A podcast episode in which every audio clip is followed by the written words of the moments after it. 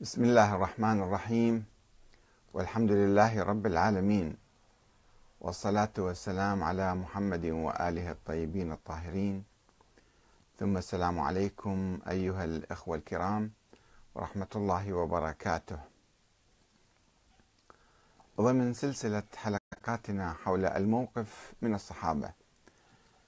آه، موقف القرآن الكريم من النبي الأكرم وأهل البيت والصحابة ثم آه، موقف المعتزلة تحدثنا عنه في حلقة سابقة. واليوم نتحدث عن موقف السنة أو النظرية السنية المتطرفة والمغالية حول الصحابة بخلاف النظرية المعتدلة التي كانت للمعتزلة وهم الجيل الأسبق عن السنة. آه، المعتزلة تكونوا في أواخر القرن الأول الهجري والقرن الثاني واستمروا بعد ذلك بقرون آه، ونظريتهم كانت في مقابل النظرية الأموية. النظرية الأموية التي تبناها ما يسمى بأهل السنة وبالذات الإمام أحمد بن حنبل وأهل الحديث عموما الذين أخذوا الأحاديث التي راجت وانتشرت في عهد الأمويين. آه لنرى الآن ما هي هذه النظرية. وسوف نتحدث في حلقات قادمة إن شاء الله عن موقف الشيعة الأوائل المعتدل وموقف آه الغلاة المتطرفين آه الروافض من الشيعة في حلقات قادمة بإذن الله تعالى. إذا فحلقتنا اليوم هي تحت عنوان الأمويون والنظرية السنية المتطرفة المغالية في الصحابة. ونحن نبحث هذا الموضوع لكي نحل هذه العقدة العقدة المستمرة في آه، المجتمع الإسلامي والتي تشكل آه، قنبلة موقوتة أحيانا بين الطوائف لكي آه، نخمد هذه الفتنة وهذه العقدة ونحل هذه العقدة. نظرا لعدم وجود إجماع على عدالة جميع الصحابة في صدر الإسلام وحتى فيما بين الصحابة أنفسهم. ووجود النظرية النسبية أو النظرة النسبية آه، المحتملة للردة والنفاق والضلال. وتوقف مكانة الصحابي على العمل الصالح وليس على رؤية النبي فقط.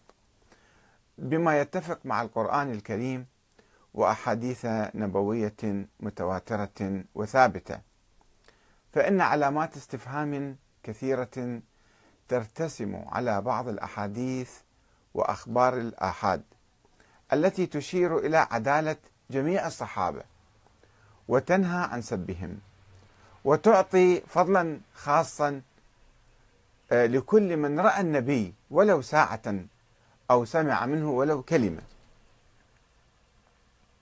ويثور الشك حول تلك الروايات التي شكلت أساس النظرية السنية المتطرفة حول الصحابة. آه، بأنها كانت يثور الشك حول هذه الأحاديث بأنها كانت من اختلاق الإعلام الأموي.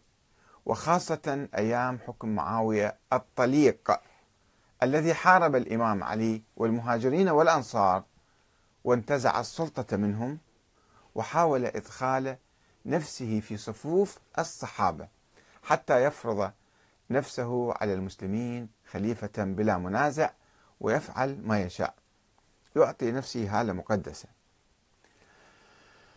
ويبدو أن المقصود من تلك الأحاديث الناهية عن سب الصحابة هو منع انتقاد معاوية أكثر من النهي عن سب خيار الصحابة. وإلا فإنها لا تذكر عند قيام معاوية والأمويين بسب الإمام علي وأهل بيته وشيعته. لنتعرف الآن على النظرية السنية حول الصحابة.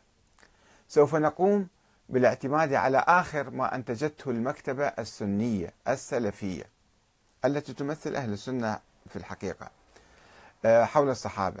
وهو كتاب الإبانة لما للصحابة من المنزلة والمكانة. تأليف الشيخ حمد بن عبد الله إبراهيم الحميدي وتقديم الشيخ عبد الله ابن عبد الرحمن السعد. وهما أستاذان من أساتذة علم الحديث والعقيدة والدعوة في المملكة العربية السعودية. ذلك الكتاب الذي يلخص النظرية السنية أفضل تلخيص. أولا من هم الصحابة؟ تعريف الصحابة. يقول الشيخ السعد في فصل في حد الصحبة قيل في حد الصحبة أقوال متعددة. والذي دل عليه الدليل منها هو كل من لقي الرسول صلى الله عليه وآله وسلم مؤمنا به ومات على ذلك سواء أطال هذا اللقاء أم قصر ثم يضيف ومن الأدلة على أن الصحبة تثبت باللقية مع الإيمان والموت على ذلك ما رواه ابن أبي شيبة عن وائل ابن الأسقع قال قال رسول الله صلى الله عليه وآله وسلم لا تزالون بخير ما دام فيكم من رآني وصاحبني. والله لا تزالون بخير ما دام فيكم من رأى من رآني وصاحب من صاحبني. يعني الجيل الثالث. تابعي التابعين. ويقول السعد وهذا ما ذهب إليه الجمهور وهو المشهور عند أهل الحديث. أهل الحديث هم أساس أهل السنة. قال أحمد يعني أحمد بن حنبل قال أحمد كل من صحبه سنة أو شهرا أو يوما أو ساعة أو رآه يعني نظرة واحدة شاف النبي فهو من أصحابه له من الصحبة على قدر ما صحبه. وقال البخاري في صحيحه جزء 2 صفحة 5 ومن صحب النبي صلى الله عليه وآله أو رآه من المسلمين فهو من أصحابه. وقال الواقدي رأيت أهل العلم يقولون كل من رأى رسول الله صلى الله عليه وآله وسلم وقد أدرك الحلم مو طفل صغير لا يكون هذا شوية قلله يعني. التعريف الأول شمل حتى الأطفال وقد أدرك الحلم وأسلم وعقل أمر الدين ورضيه فهو عندنا ممن صحب النبي ولو ساعة من نهار ولكن أصحابه على طبقاتهم وتقدمهم في الإسلام. طيب هذا التعريف السني للصحابي. طبعا كلمة صحابي ما واردة في القرآن الكريم إلا في حديث آه، يروى. أن يعني ما هو مصطلح يعني إسلامي. وماذا لو ارتد الصحابي؟ هل يبقى على صحبته؟ وبعدين يسلم مثلا ولا تنقطع الصحبة وتروح؟ يجيب ابن حزم كما يحدثنا الشيخ عبد الله سعد يقول وأما من ارتد بعد النبي وبعد أن لقيه. وكثير من الناس ارتدوا. شافوا رسول الله وجلسوا معه ثم ارتدوا. ثم راجع الإسلام وحسنت حاله كالأشعث بن قيس وعمرو بن معدي كرب وغيرهما. فصحبته له معدودة. خلص هذا صحابي بعده. وهو بلا شك من جملة الصحابة لقول رسول الله صلى الله عليه وآله وسلم أسلمت على ما سلف لك من خير. وكلهم عدول. فاضل من أهل الجنة. وهكذا يدخل في اسم الصحابة كل من السابقين الأولين من المهاجرين والأنصار والطلقاء والعتقاء والأعراب والمنافقين. وحتى المرتدين لبعض الوقت أيضا يدخلون بالصحابة فكلهم يصيرون خلطة واحدة. ومع توسيع أهل السنة لمصطلح الصحابة فإنهم يضيقون دائرة المنافقين إلى أصغر درجة ويعتبرون جميع الصحابة داخلين في دائرة الإيمان إلا ما ثبت باليقين أنه منافق. وكما رأينا فقد أدخلوا في دائرة الصحبة حتى من ارتد عن الإسلام ثم عاد إليه. فيعتقدون رجع إيمانه مرة ثانية صار مؤمن مو أنه أسلم انتهازية وارتد انتهازية ثم أسلم انتهازية مرة أخرى. ويعتقدون أن من أسلم أن من أعلن إسلامه في أي ظرف فإنه مسلم وصحابي وثابت على الإيمان إلى الأبد. مثل أبو سفيان مثلا. ولا يحتملون انخفاض درجة الإيمان لدى الصحابي أو انقلابه إلى الشرك والكفر أو سقوطه في حب الدنيا إلى درجة النفاق والردة حتى لو ارتكب الكبائر من أجل ذلك أو أراق الدم المعصوم أو قتل صحابي أو قتل عامدا متعمدا كبيرا من كبار الصحابة كما في حالة أبي الغادية الذي قتل عمار بن ياسر رغم وجود حديث صريح وصحيح عن النبي الأكرم ومتفق عليه وكان يعرف الغادي هذا الحديث يقول فيه الحديث عن النبي يقول فيه ويح عمار تقتله الفئة الباغية قاتل عمار وسالبه في النار. هذا حديث موجود عند السنة وعند الشيعة. مع ذلك هذا الشخص اللي أبو الغادية فهو من الصحابة. يعني كأنه يوجد عندنا مقياسين في الإسلام.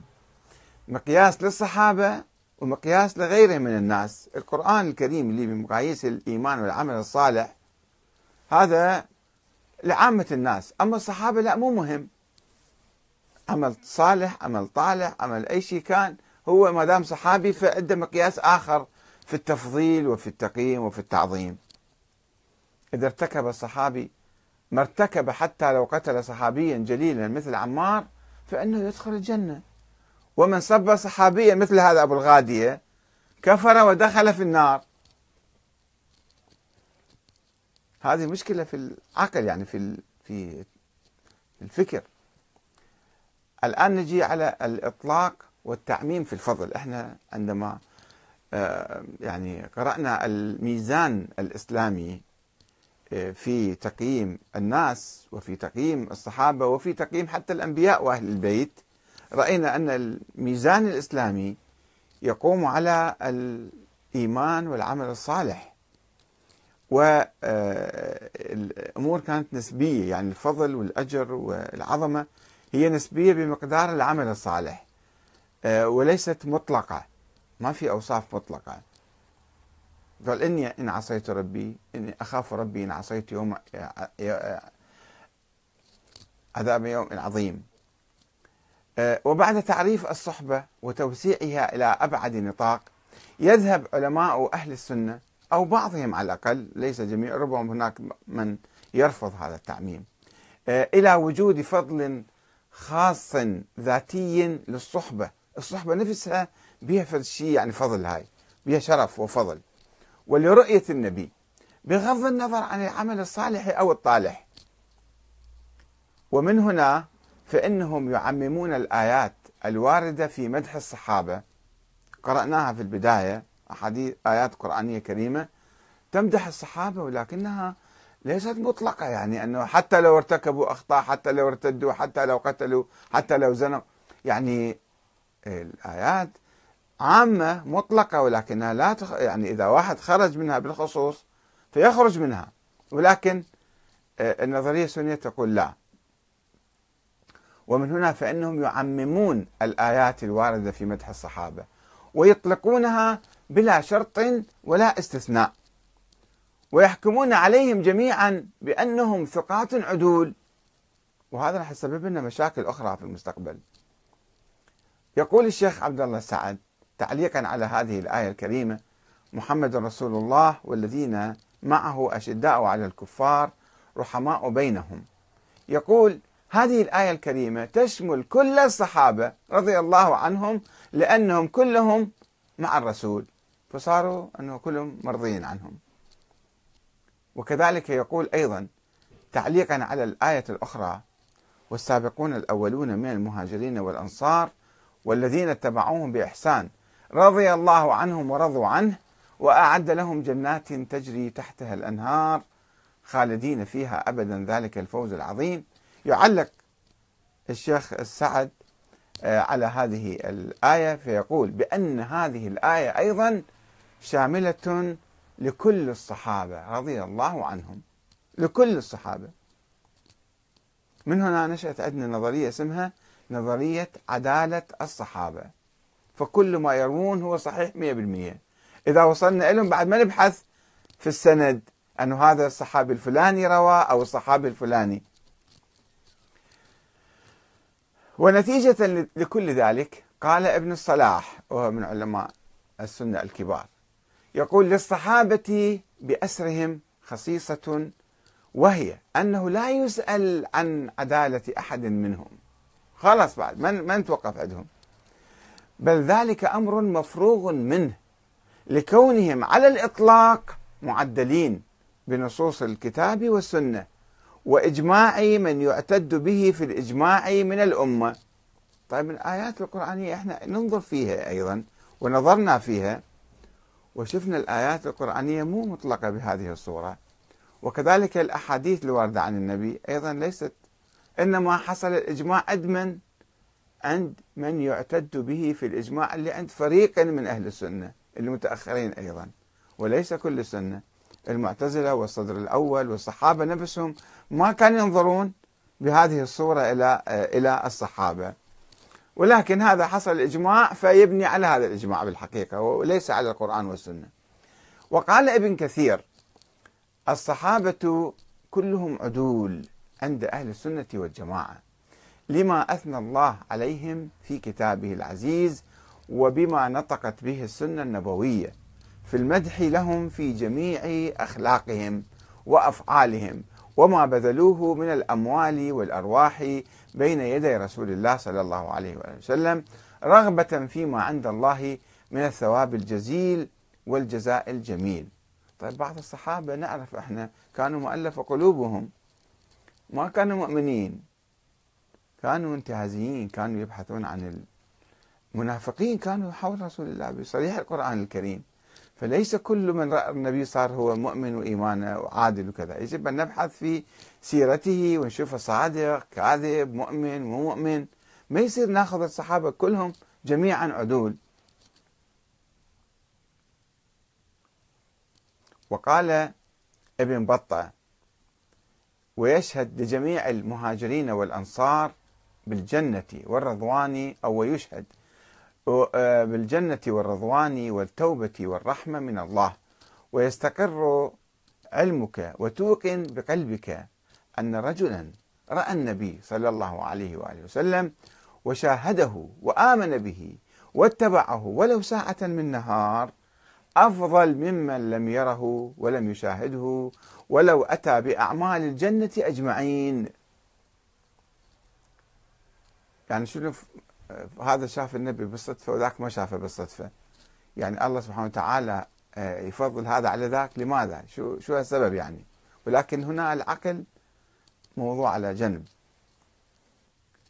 ثم الترحم على جميع أصحاب رسول الله صغيرهم وكبيرهم وأولهم وآخرهم وذكر محاسنهم ونشر فضائلهم والاقتداء بهديهم والاقتفاء لآثارهم. وإن الحق في كل ما قالوه. والصواب فيما فعلوه في كتاب الإبانة على أصول السنة والديانة. صفحة 263 إذا فشوفوا النظرة المتطرفة المغالية المطلقة إلى الصحابة. ويقول الحميدي مؤلف هذا الكتاب الذي نقلنا عنه هذه الأقوال هذه هي عقيدة أهل السنة والجماعة أن الصحابة رضوان الله عليهم كلهم عدول فلا يسأل عن عدالة أحد منهم بعد تعديل الله عز وجل وتعديل رسوله. ويكفي في هذه المنزلة منزلة الصحابة منزلة الصحبة المنزلة العالية الشريفة التي لا يبلغها من بعدهم حتى لو عمل ما عمل في ذلك. فالطاعن في عدالة الصحابة أو بعضهم طاعن في دين الإسلام كأن راح يكفر. سنجي إن شاء الله في الحلقة القادمة نتحدث عن آه، آه، يعني الموقف السلبي من أهل السنة ممن ينتقد الصحابة أو يحاول دراسة تاريخهم أو يحاول أن يبحث فيهم أو يميز بينهم. وأيضا في نفس الوقت هناك انتقائية في آه، يعني في تعظيم بعض الصحابة ولعن بعض الصحابة أو يعني عدم المبالاة في لعنهم من كبار الصحابة كالإمام علي عليه السلام. آه هذه يعني النظرة المغالية انعكست سلبا أيضا على آه كان فيها مواقف آه آه تابعة لهذا الموقف. سوف نتحدث عن ذلك في الحلقة القادمة إن شاء الله.